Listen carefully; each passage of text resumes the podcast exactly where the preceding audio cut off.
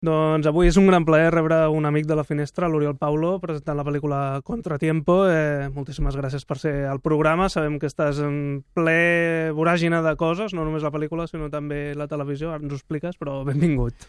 Eh, hola, eh, gràcies per invitar-me. Escolta una cosa, recordo haver estat al rodatge de Contratiempo i com la dificultat no, de parlar d'un projecte que, a més a més, estava rodant en aquell moment, però que es poden explicar tan poques coses, no? A l'hora de promocionar, eh, tu mateix et, et fas un planning de fins on es pot explicar, eh, com mesurar una miqueta les coses, perquè, clar, és una altra dificultat afegida. Sí, és, és algo que ens estem trobant ara a les entrevistes, com bé dius, a la pel·lícula està plena de, de spoilers potencials, estem intentant doncs, controlar-los al màxim que podem, el que passa que, bueno, és evidentment ara la pel·lícula ja sortirà al mercat i a partir d'aquí ja se'ns escapa de les mans i la pel·lícula passarà a formar part del públic i això ja no ho controlarem. Però sí, més o menys intentem pactar què diem i què no diem. val, val.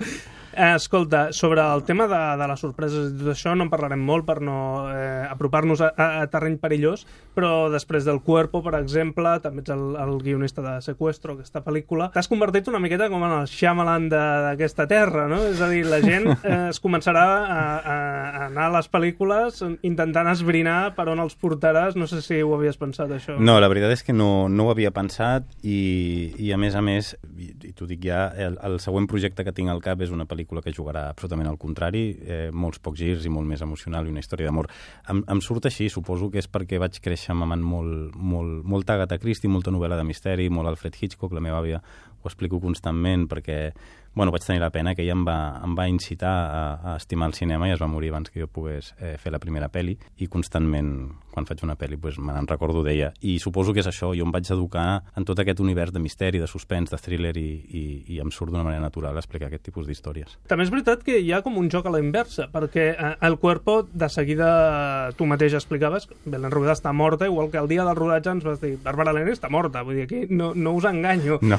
El que passa és que la gent pot ser tan desconfiada que pensi, ostres, però segur, segur que està morta i aleshores eh, també el que t'agrada molt és la de, de construcció, deies tu, no? Tirar cap enrere i a partir d'aquí. Sí, a mi m'agrada molt plantejar les històries amb, amb una unitat uh, d'espai i de temps. En aquest cas tenim l'entrevista entre el personatge del Mario Casas i l'Anna Wagner, l'Adrián Doria i la Virginia Goodman, que són advocada i client, que intenten reconstruir uh, què ha passat dins d'una habitació d'un hotel on s'ha produït un assassinat. I, i a partir d'aquí el que faig i m'agrada molt és establir un duel dialèctic entre els personatges que van reconstruint eh, diverses teories de, del, del que hagués pogut passar per, fins a arribar a aquesta habitació d'hotel. És, és algo que suposo que també porto a la sang, o sigui, també m'ha amat molt teatre i jo disfruto molt treballant amb els actors i per tant són seqüències que em regalo a mi mateix com a director per poder treballar amb els actors i, i exprimir al màxim el que és l'essència del personatge. Sí, la veritat és que jo t'imaginava tu com a director el plaer, no?, gaudir d'aquests dos escenaris que has preparat, un amb un pis, un pis molt maco, com aprofitar al màxim els recursos d'espai, de, no?, de,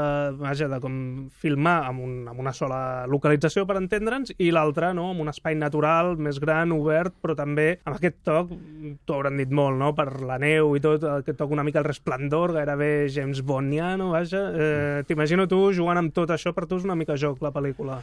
Bé, sí, la pel·lícula és, és sobretot, eh, si és un joc, si, si li vols dir així, eh, per mi és, és eh, un homenatge a les novel·les de misteri, a les novel·les sobre habitacions tancades que, que, que m'apassionen, i sobretot és, és eh, un repte, una invitació a l'espectador perquè sigui part activa durant tota la pel·lícula i convertir-los una mica amb, el, amb els investigadors, és a dir, eh, el plaer més gran que a mi, o sigui, el que més m'agradaria en aquesta vida quan la gent vagi a veure la pel·lícula és que quan s'asseguin a la butaca i s'apaguin les llums, en els primers dos minuts ja plantegem una gran pregunta i que l'espectador entri, agafi les, les cartes que li posem sobre la taula i comenci a jugar una partida. I m'encantaria, a més a més, que tothom la jugui d'una manera diferent. Hi haurà gent que veurà blanc, gent que veurà negre, gent que veurà gris. Sobretot és això, que, que, la, gent, que la gent viatgi amb els personatges i, i fer-los actius, que no sigui un visionat passiu, sinó que sigui un visionat molt actiu. El Mario Casas ens deia que quan va llegir jo li va agradar molt i que, a més a més, eh, trobava que era com el paper més madur, per entendre'ns, de la seva carrera. M'agradaria saber, tu que dius que t'agrada treballar amb els actors, en el seu cas concret, una miqueta com, com plantejaves no? eh, aquest personatge amb ell eh,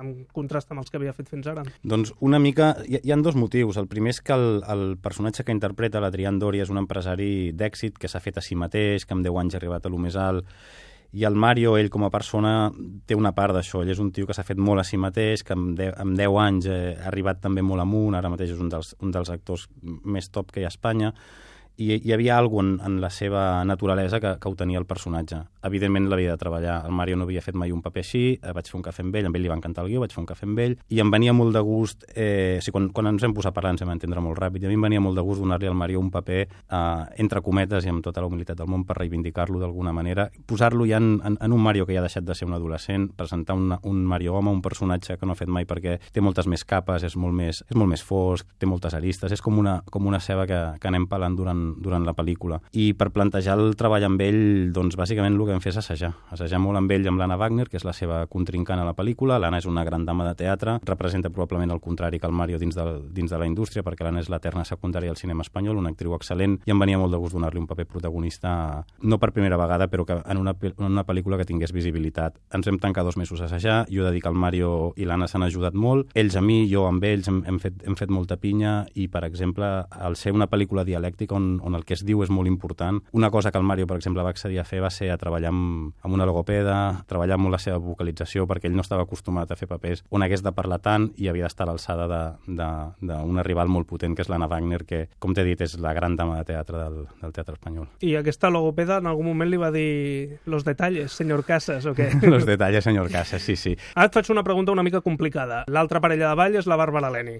La Bàrbara Leni, recordo també, en el seu moment ens va explicar doncs, que són personatges, la majoria dels de la pel·lícula, el seu, el del Mario sobretot, que ho han tingut una mica tot en aquesta vida, no? Mm. Eh, em preguntava si mm, aquest prototip de personatge, tipus Mario, que s'ha fet a si mateix, però s'ha eh, fet tan ric, el personatge de la pel·lícula, eh, si sí, parlen, sí. eh, ric tan ràpid, relativament ràpid, per entendre'ns, eh, tu, des de fora, eh, et genera una mica de desconfiança, és a dir, penses allò com es pot arribar tan a dalt eh, tan, tan ràpidament, no? Quines parts de tu mateix estàs disposat a sacrificar doncs, per aconseguir aquestes coses? Bé, el personatge de l'Adrián Doria és un personatge que ha fet molts sacrificis a la seva vida i que, a més a més, és molt conscient de, de ser honest i, evidentment, i això ho parlaven i, ho parlaven i probablement no es veu a la pel·lícula, però que és un tio que, que ha hagut de trepitjar caps per arribar fins on és, això, això és evident. És un personatge que, precisament perquè s'ha fet a si mateix, no vol perdre tot allò que té. El que passa que es troba amb un contratemps al principi de la pel·lícula i també arrossegat pel personatge de la Bàrbara Leni de la Laura doncs, pren una decisió equivocada i aquesta decisió equivocada es va fent grossa, grossa, grossa, grossa, grossa, grossa i s'acaba ficant en un embolic. Altre actor, el José Coronado, El Cuerpo, a Secuestro i també aquesta pel·lícula deia allò de l'actor fetiche no? de, de l'Oriol. Això és una cosa ja mm,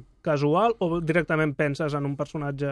Que... No, no, en el cas de Secuestro no, no té res a veure amb mi perquè jo no... Vull dir, jo vaig fer el guió, el guió portava escrit com 3 o 4 anys i, i el va fer una altra directora, però en el cas de, de Contratiempo sí, sí que hi ha, una, hi ha un procés per arribar al Coronado i és que quan jo estic escrivint el guió i estic plantejant el personatge del Tomàs Garrido me n'adono bueno, doncs, que és un home amb un gran cor, bondadós, amb un sentit de justícia molt, molt, molt pur i me n'adono que el José realment, el José persona, el José que jo conec després d'haver fet una pel·lícula amb ell, la del Cuerpo, uh, és molt el, el personatge del Tomàs Garrido. I aleshores li, li, li, li plantejo, li dic, mira, José, jo crec que aquest és un paper que no has fet mai a la vida, si ens té acostumat a, a policies durs, a tios torturats, gent que carrega moltes motxilles, uh -huh. però crec que no havia fet mai un personatge amb una mirada tan neta com la que, la que té el personatge del Tomàs Garrido, que evidentment durant la pel·lícula també es van fosquint i li van passant altres coses, però ell, ell de base, d'arrel, és, és molt com el personatge del Tomàs i em venia molt de gust també donar-li aquest nou registre. Visualment, la pel·lícula, sobretot els, el, la part que passa a Barcelona, ho heu reflectit com amb molta classe, no? molta elegància, filmant molt des de dalt. Jo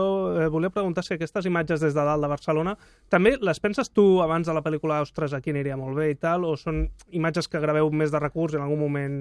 És a dir, hi ha premeditació en tot el que es fa? Hi ha certa premeditació en algunes coses, en d'altres estem oberts al muntatge. Nosaltres tenim moltes més imatges de Barcelona que no hem mostrat perquè quan estàs eh, rodant la pel·lícula hi ha tot un tema que no controles.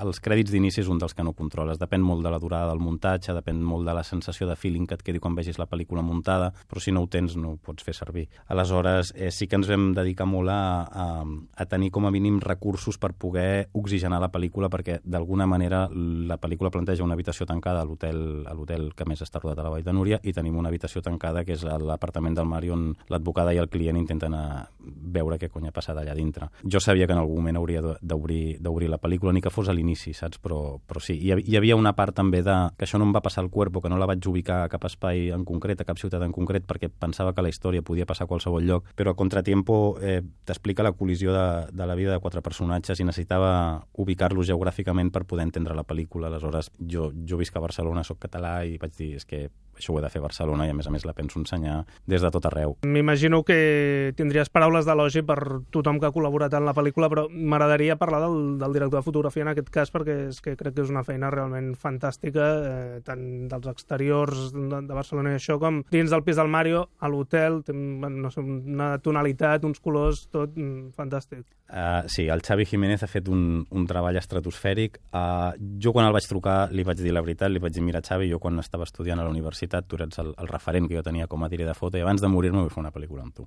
Llavors li vaig passar el guió, el Xavi li va agradar, el Xavi és molt, entén molt bé el que és la psicologia del personatge i el que vols explicar. Vam veure moltes pel·lis junts i la decisió que vam prendre era que ens volíem allunyar de l'efectisme entre cometes barato, eh, que era fàcil caure i per l'estructura laberíntica de, de la pel·lícula i per la quantitat de flashbacks i inserts que hi ha, i li vaig dir, i ell ja estava d'acord i ho vam posar en comú, que l'ideal era fer una fotografia naturalista anar-nos-en molt al, al, al nou Fincher, per entendre'ns. El Fincher era un tio que era molt estètic al principi i les últimes pel·lis ja ha depurat molt el seu estil i és ultranaturalista. Ens vam mirar con Gale, Zodiac, totes les últimes pel·lis que ha fet i vam decidir que, que aniríem per allà. Moltíssimes gràcies, eh, molta sort amb l'estrena de Contratiempo i res, a seguir treballant a tope.